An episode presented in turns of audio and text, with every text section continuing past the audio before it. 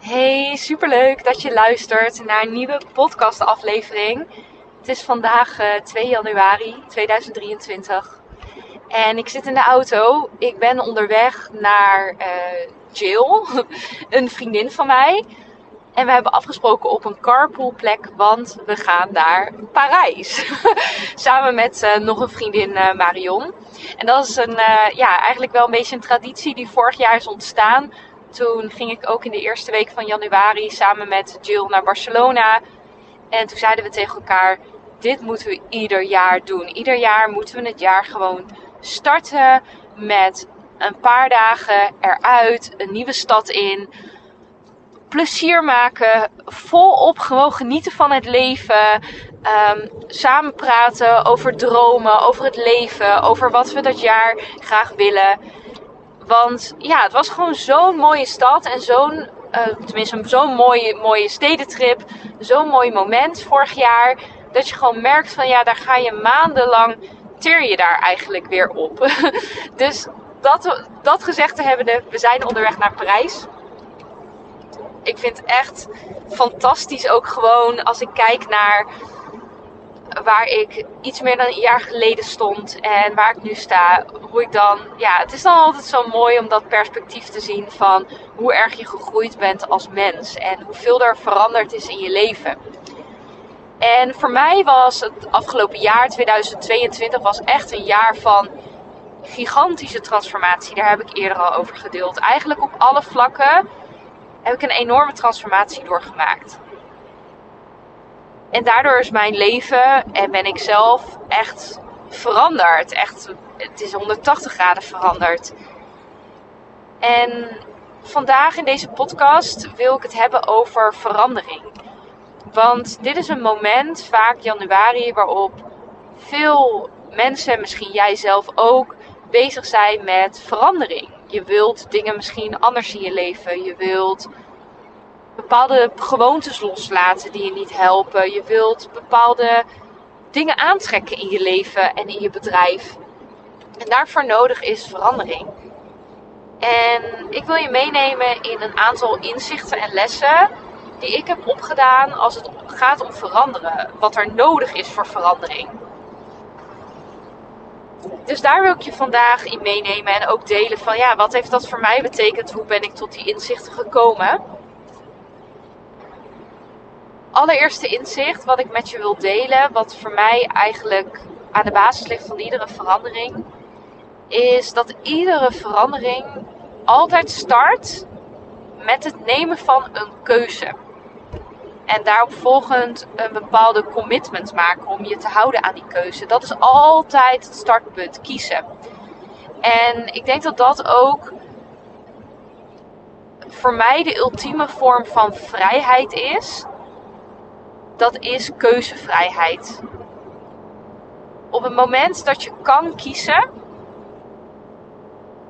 en je beseft dat kiezen een vorm van vrijheid is, en misschien wel de meest ultieme vorm van vrijheid is, zul je merken dat er heel veel mogelijk is. Maar vaak ontnemen we onszelf ons de kans om te kiezen en houden we onszelf gevangen, omdat we geen keuze maken, omdat we vastzitten, stagneren als het ware. Dus we zitten in een situatie die voelt niet lekker, die voelt oncomfortabel of het voelt een beetje als een te klein jasje wat je aan hebt. Maar we blijven eigenlijk een beetje erin zitten.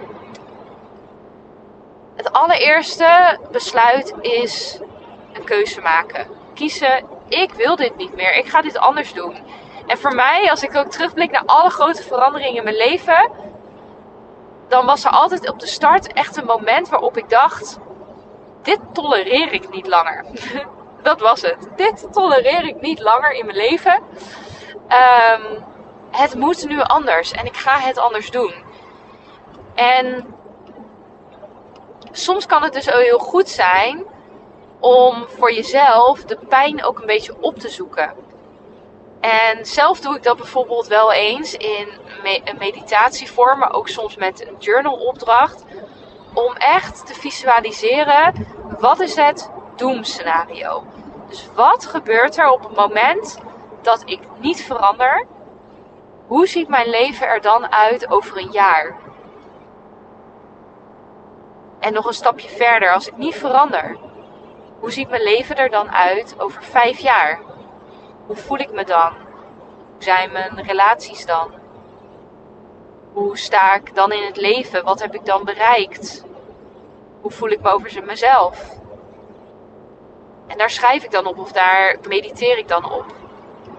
Maar dan ook weer een stapje verder. Oké, over tien jaar dan. Als ik over tien jaar nog niks veranderd heb. Nog steeds met ditgene waar ik nu tegenaan loop. Nog steeds mee rondloop.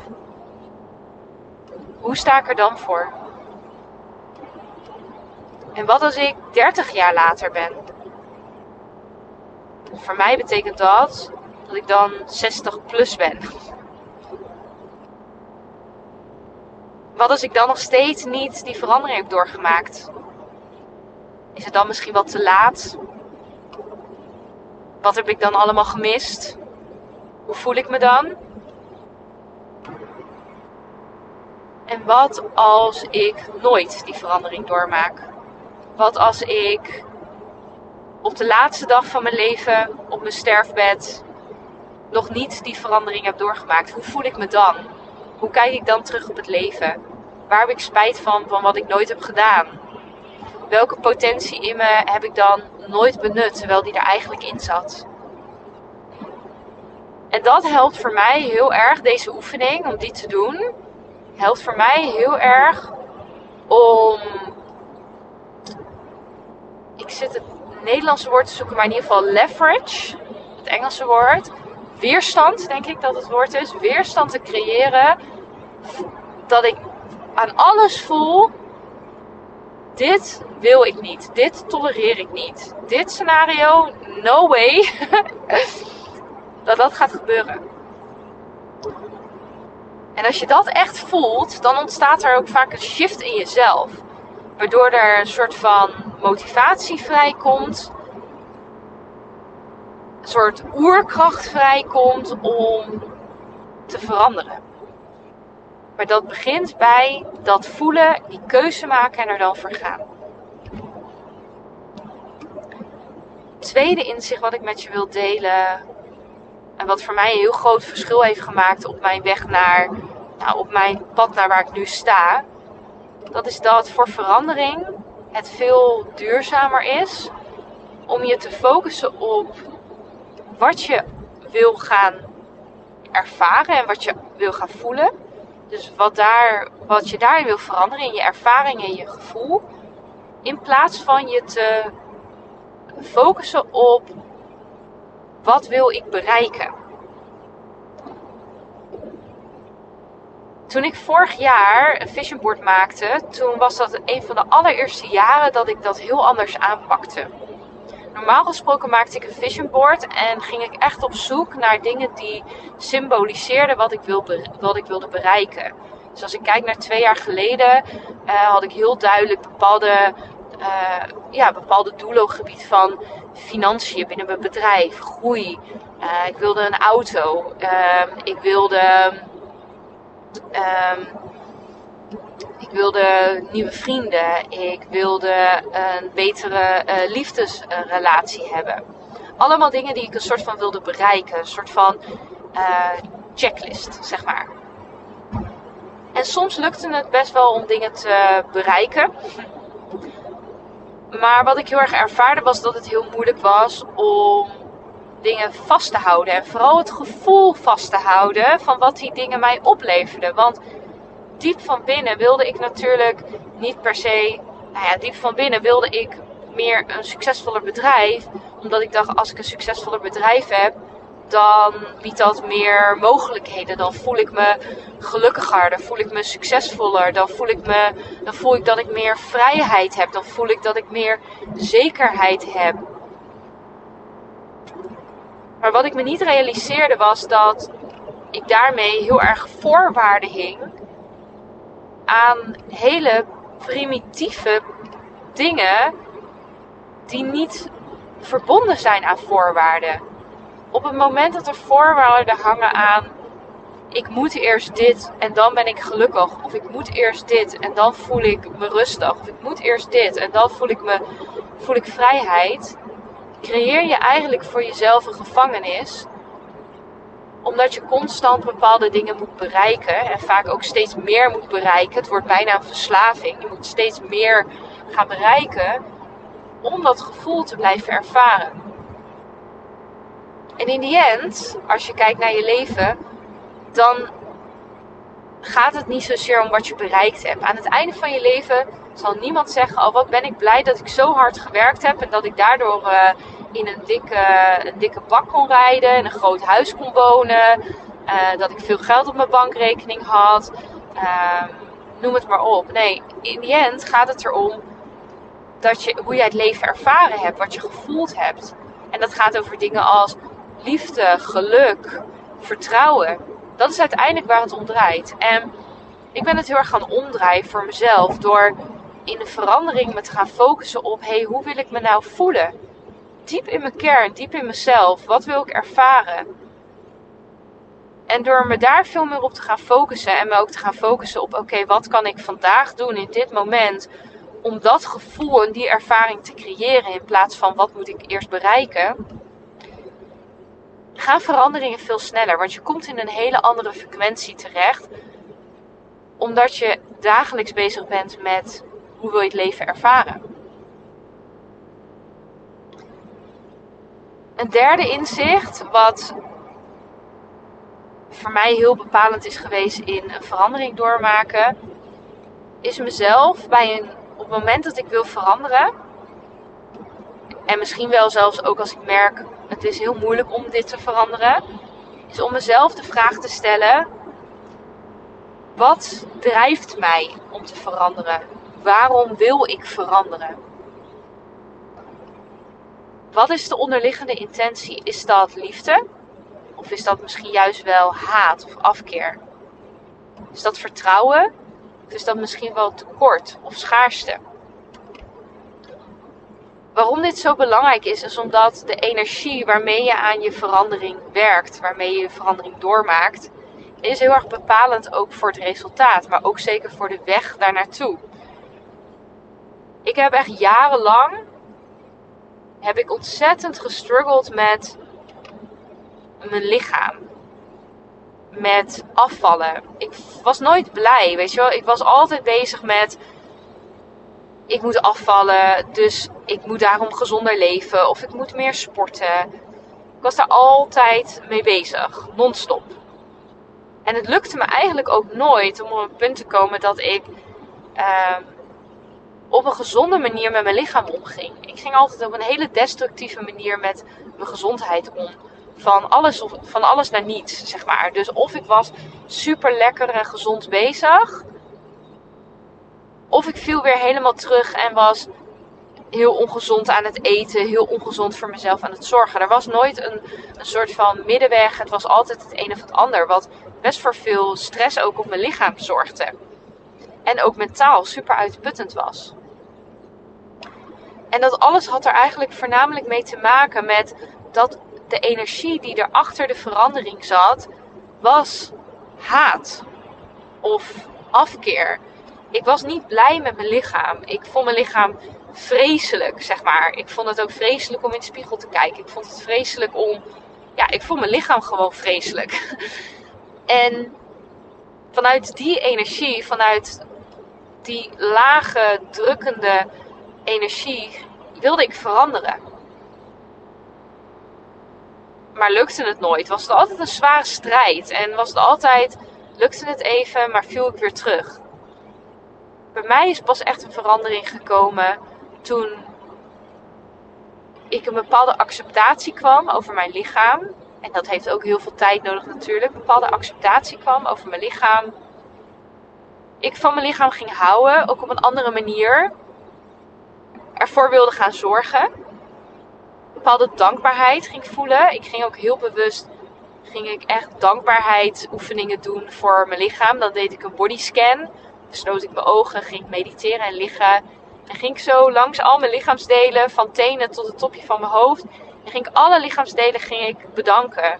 Bedanken dat ze er waren. Mijn benen bedanken dat ze me droegen.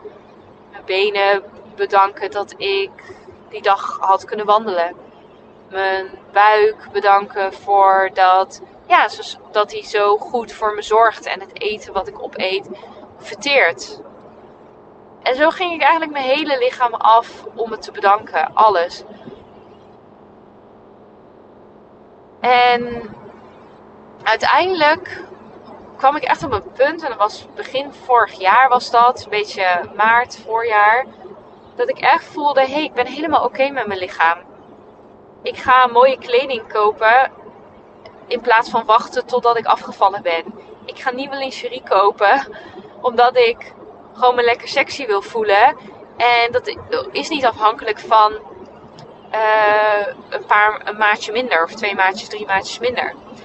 Ik ging echt voor mezelf zorgen en ik ging echt zeg maar in, met een hele andere energie ging ik die verandering doormaken. En uiteindelijk bereikte ik datgene waar ik misschien al jaren mee struggelde, is dat ik 10 kilo lichter was. En het maakte me eigenlijk niet zoveel uit. Ik wist nog dat ik al blij was toen ik op een gegeven moment een halve kilo was afgevallen. En ik best wel verbaasd, want ik dacht, hè, ik ben in één keer afgevallen. En ik heb er niet eens zoveel voor gedaan. Ik zorg gewoon goed voor mezelf. Ik geniet van mezelf. Ik geniet van mijn lichaam. Ik ben blij. En op een gegeven moment viel, vielen er nog meer kilo's af. En het maakte eigenlijk helemaal niet zoveel uit. Ik bleef me gewoon blij voelen. En ja, dat is wat ik bedoel met de energie is bepalend. En die energie is ook bepalend in je bedrijf. Dit is nu een voorbeeld over je lichaam. Maar vraag jezelf ook eens af met welke energie je aan bepaalde doelen werkt in je bedrijf. Wil je die omzetdoelen en die groei doormaken omdat je nu heel erg schaarste voelt en je dat zat bent? Je wordt niet goed van te weinig geld hebben. Um, je voelt frustratie op, het tekort hebben. En vanuit die energie ga je werken aan je doelen en je dromen. Of werk je vanuit liefde en overvloed en vertrouwen. En ben je eigenlijk blij met alles. En kun je ook blijdschap en vertrouwen voelen en overvloed voelen voor één klant, voor één bestelling. En dat is uiteindelijk echt super belangrijk. Je in die energie komt, in die dankbaarheid, die hoge frequentie. En dat je vanuit daar die verandering gaat doormaken. En dat is dus ook jezelf echt trainen. Want als je al heel lang in een energie zit van tekort en schaarste, is het ook echt trainen om in een energie van overvloed en vertrouwen te komen. En dat vraagt je om misschien wel iedere dag um, in een journal te gaan opschrijven waar je dankbaar voor bent. Of welke overvloed er wel is in je leven. Om de kleine dingetjes te zien en op die kleine dingetjes in te tappen en het daarop al te gaan voelen.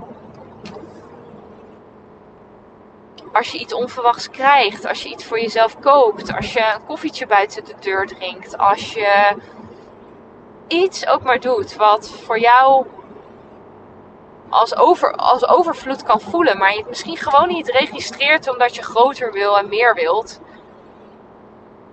Je wil jezelf echt trainen om in die energie te komen van liefde, van overvloed, van vertrouwen, om vanuit daar die verandering door te maken. Want dan ga je hem op een hele duurzame manier doormaken. Het vierde inzicht, wat misschien wel het allerbelangrijkste inzicht is, maar eigenlijk zijn ze allemaal gewoon super belangrijk is dat een verandering altijd begint met durven te kijken in de spiegel. Een verandering start bij verantwoordelijkheid nemen.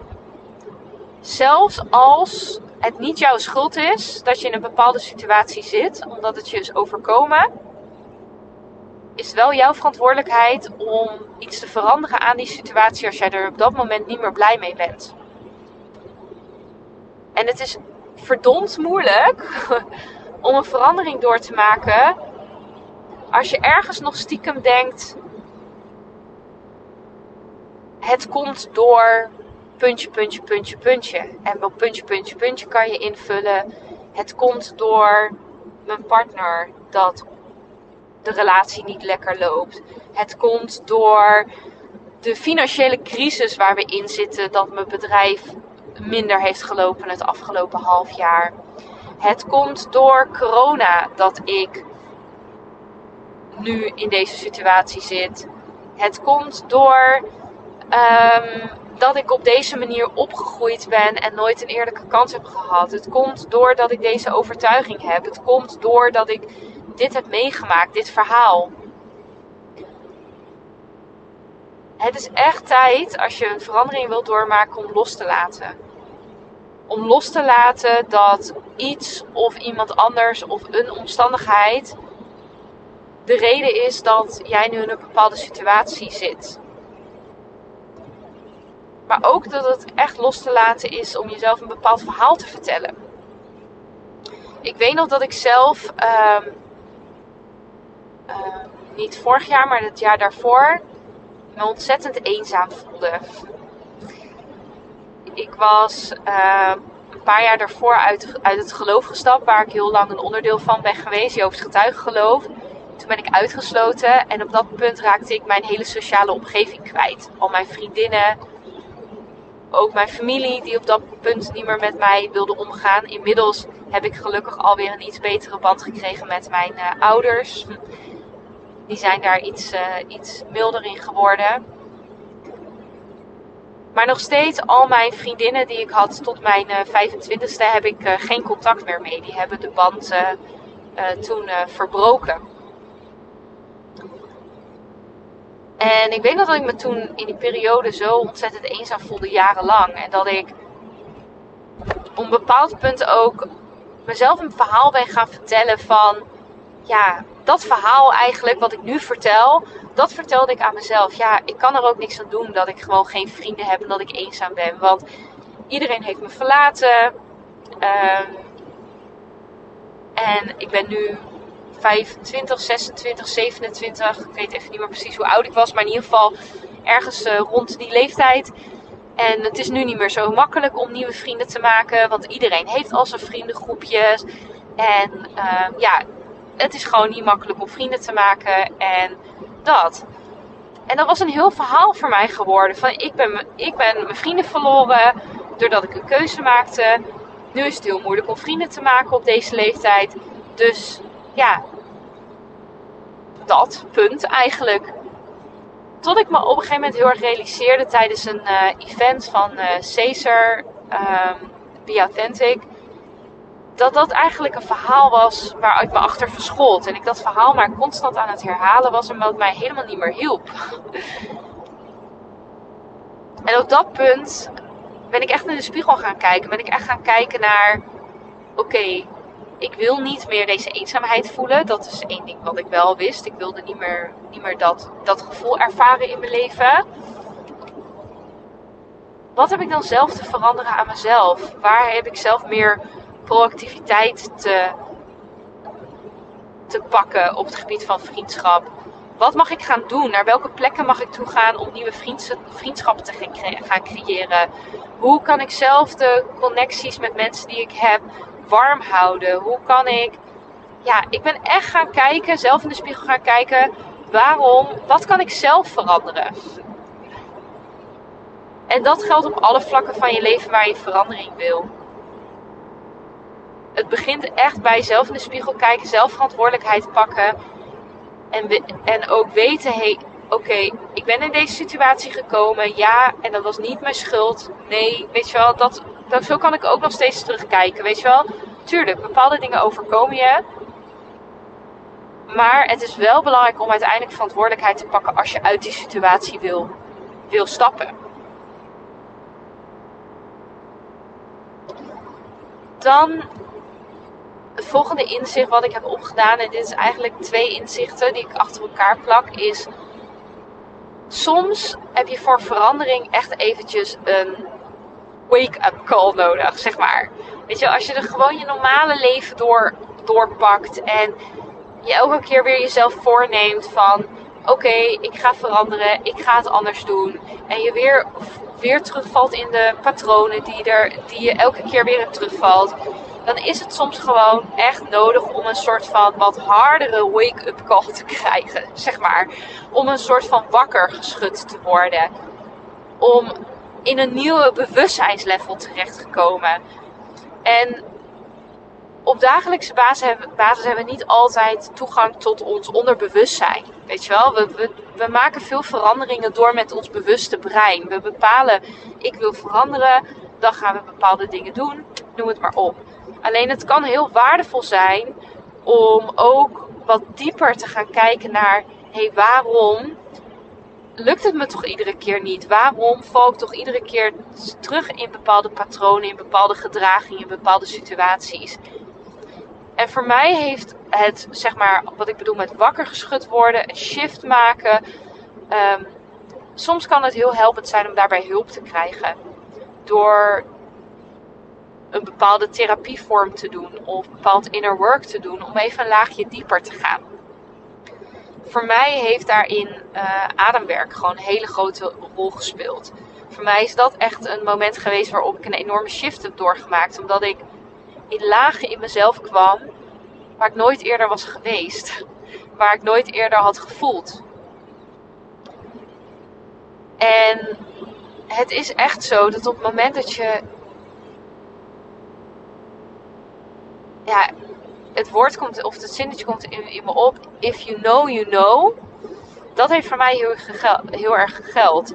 Op het moment dat je iets weet, en echt weet, diep van binnen weet, dat het niet oké is of dat, het, dat dat niet zo is, bijvoorbeeld. Dat een bepaalde overtuiging, die misschien al heel lang met je meedraagt, op het moment dat je weet dat dat niet de waarheid is, op het moment dat je iets anders hebt ervaren in jezelf, op een dieper onbewust niveau, dan kun je eigenlijk niet anders meer. Je kunt er letterlijk niet meer omheen. Ik weet ook namelijk dat mensen wel dat is misschien een heel ander voorbeeld, maar uh, soms vraagt iemand wel eens van, uh, wil je weten hoe dit, vlees, uh, hoe dit vlees gemaakt is, zeg maar.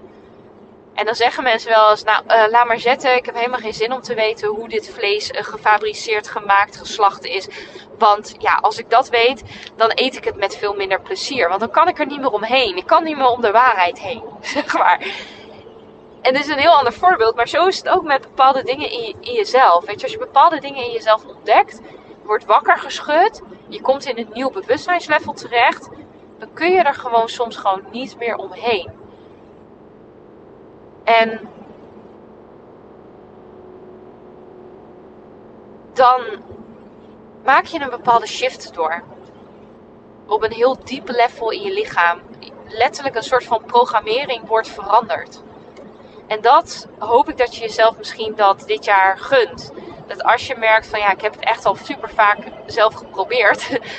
Is dat je stopt met proberen, maar dat je iets gaat doen wat jou helpt.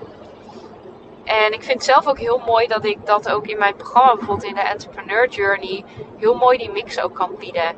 Tussen het innerlijk work doen, dus het innerlijke werk doen door middel van de inner journeys, waarin je echt op een veel diepere uh, bewustzijnslaag gaat intunen en daar veranderingen gaat aanbrengen. En intussen hele praktische veranderingen gaat aanbrengen in je bedrijf, in je leven. En die mix is ontzettend belangrijk. En dat is gelijk het volgende inzicht wat ik je wil geven. Want misschien denk jij nu juist wel van, ja, maar ik heb ook echt al heel veel van dit soort dingen gedaan. Ik heb ook al heel vaak breathwork gedaan, dus ademhalingsmethodes gedaan. Ik heb hypnoses gedaan. Ik heb therapieën gedaan. Ik heb allerlei dingen gedaan.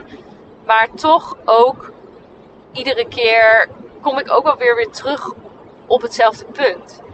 Maar dat is ook wel een les die ik zelf geleerd heb. Je kunt een hele grote shift maken door zo'n therapievorm te doen of door bepaalde innerlijk werk te doen. Maar uiteindelijk heb je het werk iedere dag te doen. Op het moment dat je een shift doormaakt en je maakt een keuze, dan heb je iedere dag het werk te doen. Iedere dag jezelf de vraag te stellen: wie wil ik zijn? Weet je, wie wil ik zijn? En dat vraagt om commitment, dat vraagt om doorzettingsvermogen, dat vraagt om ook op de moeilijke momenten op te komen dagen. En dat is niet altijd makkelijk. Dus het is echt met elkaar verbonden. Aan de ene kant heb je soms met dieper level een shift te maken.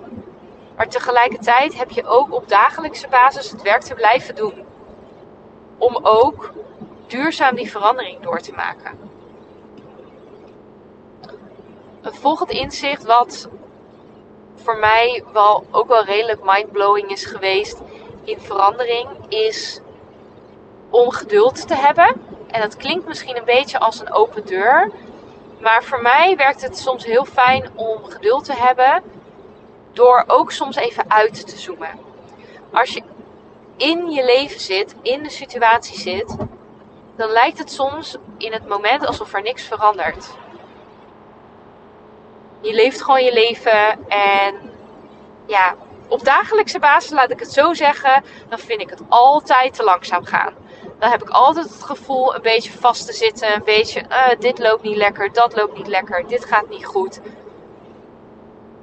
Ondanks dat ik toch best wel een persoonlijk ontwikkelingsgekkie ben en altijd bezig ben met mezelf ontwikkelen, mijn bedrijf laten groeien. Ik kies altijd voor groeien, maar toch kan ik vaak in het moment alsnog het gevoel hebben: het schiet niet op, zeg maar. En daarom zeg ik: geduld is super belangrijk. Want verandering laat zichzelf niet zien op de korte termijn. Verandering is niet goed in het moment te zien en te ervaren. Is niet goed in een week te, te zien, in een maand te zien. Sommige veranderingen misschien zelfs niet in een jaar te zien. Maar daarom kan het zo waardevol zijn om af en toe even uit te zoomen. En te kijken naar, hé, hey, waar stond ik nou een jaar geleden? Of waar stond ik nou vijf jaar geleden? Of waar stond ik tien jaar geleden? En als ik daar zelf naar terugkijk, als ik terugkijk naar een jaar geleden, dan denk ik al, wauw, holy shit, wat kan er veel veranderen in een jaar tijd? Maar als ik vijf jaar geleden kijk, nou, dan, dan ben ik gewoon letterlijk stil van alle veranderingen die er zijn doorgemaakt. Vijf jaar geleden was ik op punten in mijn leven waarbij waar ik nu sta, dit was gewoon on, on, ondenkbaar. Ik had dit scenario gewoon nooit, nooit kunnen voorstellen op dat moment. Nooit. Als je toen had gevraagd waar had je willen staan over vijf jaar, ik had waarschijnlijk wel iets kunnen zeggen, maar dit was niet wat ik had gezegd. Dit is beter dan wat dan ook. Maar dit was niet wat ik had gezegd. En tien jaar geleden, ja, dat voor mij was dat helemaal een bizarre shift. Ik denk dat ik tien jaar geleden liever op dat moment. Ik was leven toen echt letterlijk best wel zat. Zeg maar. In de zin van ik had echt regelmatig wel gedachten van het hoeft van mij niet zo. Weet je wel? Ik ben hier nog wel. ik zit het wel een soort van uit, dat gevoel had ik. Maar het hoeft niet van mij. Omdat ik ook wel in een hele donkere periode zat. In een relatie waar ik onderdrukt werd. En ja, gewoon in een hele traumatische periode zat. Maar het is wel heel bijzonder om dan te zien van wat er in tien jaar tijd kan veranderen in je leven. En ik hoop dat je voor jezelf soms ook een momentje pakt om wat meer terug te blikken over een langere periode en te zien, wauw, dan is die verandering wel te zien. En daarmee ook het vertrouwen te voelen dat de veranderingen die je nu aan het doormaken bent, dat je misschien nu niet altijd ziet en nu niet altijd voelt. En soms, ja, soms het gevoel hebt dat, dat er niks gebeurt, maar dat je door terug te kijken naar het verleden ziet dat dat niet de waarheid is en dat er echt wel verandering plaatsvindt. En dan ga ik hem afsluiten met het allerlaatste inzicht. Voor mij ook een beetje een, uh, geworden. En dat is: toeval bestaat niet. Vroeger zag ik heel veel dingen als, als toeval. Oh, wat toevallig dat uh, precies op dit moment ik dit berichtje krijg. Of wat toevallig dat nu ik het er net aan denk, dat die persoon mij opbelt. Um, wat toevallig dat ik dit en dit meemaak. Wat toevallig dat ik die persoon weer tegenkom na een aantal jaar. Tegenwoordig zie ik eigenlijk niks meer als toeval. En misschien klinkt dat super zweverig en misschien klinkt dat ook heel idealistisch. Maar voor mij is het ook een, een, way of living die mij heel veel zin geeft. Zin, mijn leven heel zinvol maakt. Want doordat ik het leven eigenlijk zie als een aaneenschakeling van dingen die de bedoeling zijn, voelen de dingen ook minder zwaar. Dus iedere tegenslag, ieder obstakel, iedere gebeurtenis, iedere ontmoeting, probeer ik te zien als iets wat mij wil helpen, iets wat mij iets wil leren, iets wat mij helpt om te groeien. Ook als het dingen zijn waar ik, waar ik heel veel pijn en heel veel verdriet van heb, probeer ik altijd op die manier naar het leven te kijken naar, hey, wat heeft het me gebracht? Wat heeft het me geleerd? En zo kan ik ook echt met best wel veel dankbaarheid terugkijken op de afgelopen tien jaar van mijn leven, waarin er echt heel veel shit heeft plaatsgevonden. En het echt meer momenten heel zwaar was dan dat het heel leuk was. Maar kan toch met een bepaalde dankbaarheid terugkijken naar ja, bepaalde ontmoetingen die er zijn geweest. Bepaalde gebeurtenissen die ik heb meegemaakt. Bepaalde zelfs trauma's die er zijn ontstaan. Omdat ik tegelijkertijd ook weet dat ik zonder al deze dingen niet de persoon zou zijn die ik vandaag de dag ben. En dat al die dingen me wel iets hebben geleerd over het leven, dat ze me sterker hebben gemaakt. En dan voelt het ook in één keer niet meer als verloren tijd of foute keuzes of wat ben ik stom geweest. Natuurlijk leer ik van het verleden. um, maar tegelijkertijd kan ik ook dankbaar zijn over dat dit hetgene is wat ik gewoon gekregen heb. En dat dit me ook gemaakt heeft tot wie ik nu ben. En doordat ik op die manier het leven sta, merk ik ook dat leven veel relaxter wordt. Omdat ik gewoon weet dat wat er ook gebeurt, het is altijd goed. Het is altijd, ik kan het altijd omzetten naar iets wat mij helpt, iets wat mij laat groeien. En dat heb ik zelf in de hand. Daar kan ik zelf verantwoordelijkheid over pakken. Dus dat is het laatste inzicht wat ik je wil meegeven over verandering. Ja, best een bijzondere podcast moet ik heel eerlijk zeggen. Omdat voor mij ook weer een beetje een terugblik is op alle veranderingen die ik zelf heb doorgemaakt. En ik ga me afsluiten deze podcast. En ik hoop dat je met deze inzichten, ja, dat je er wat uithaalt voor jezelf. Als je op dit moment dingen aan het veranderen bent in je leven. En als je deze podcast waardevol vindt, dan help je mij enorm door op, als je op Spotify luistert, deze podcast te beoordelen met een aantal sterren. Dat kan heel makkelijk aan de bovenkant van uh, mijn uh, account of een review achter te luisteren als je via Apple luistert of via Google. En als je het waardevol voelt om te delen met mensen in je netwerk of je volgers. Nou, dankjewel voor het luisteren. En als je deze podcast luistert aan het begin van het jaar, dan wens ik je een heel fijn, fijn jaar toe. Een heel gelukkig nieuwjaar, een heel liefdevol nieuwjaar. En uh, ik hoop je te zien dit jaar in de podcast. Doei doei!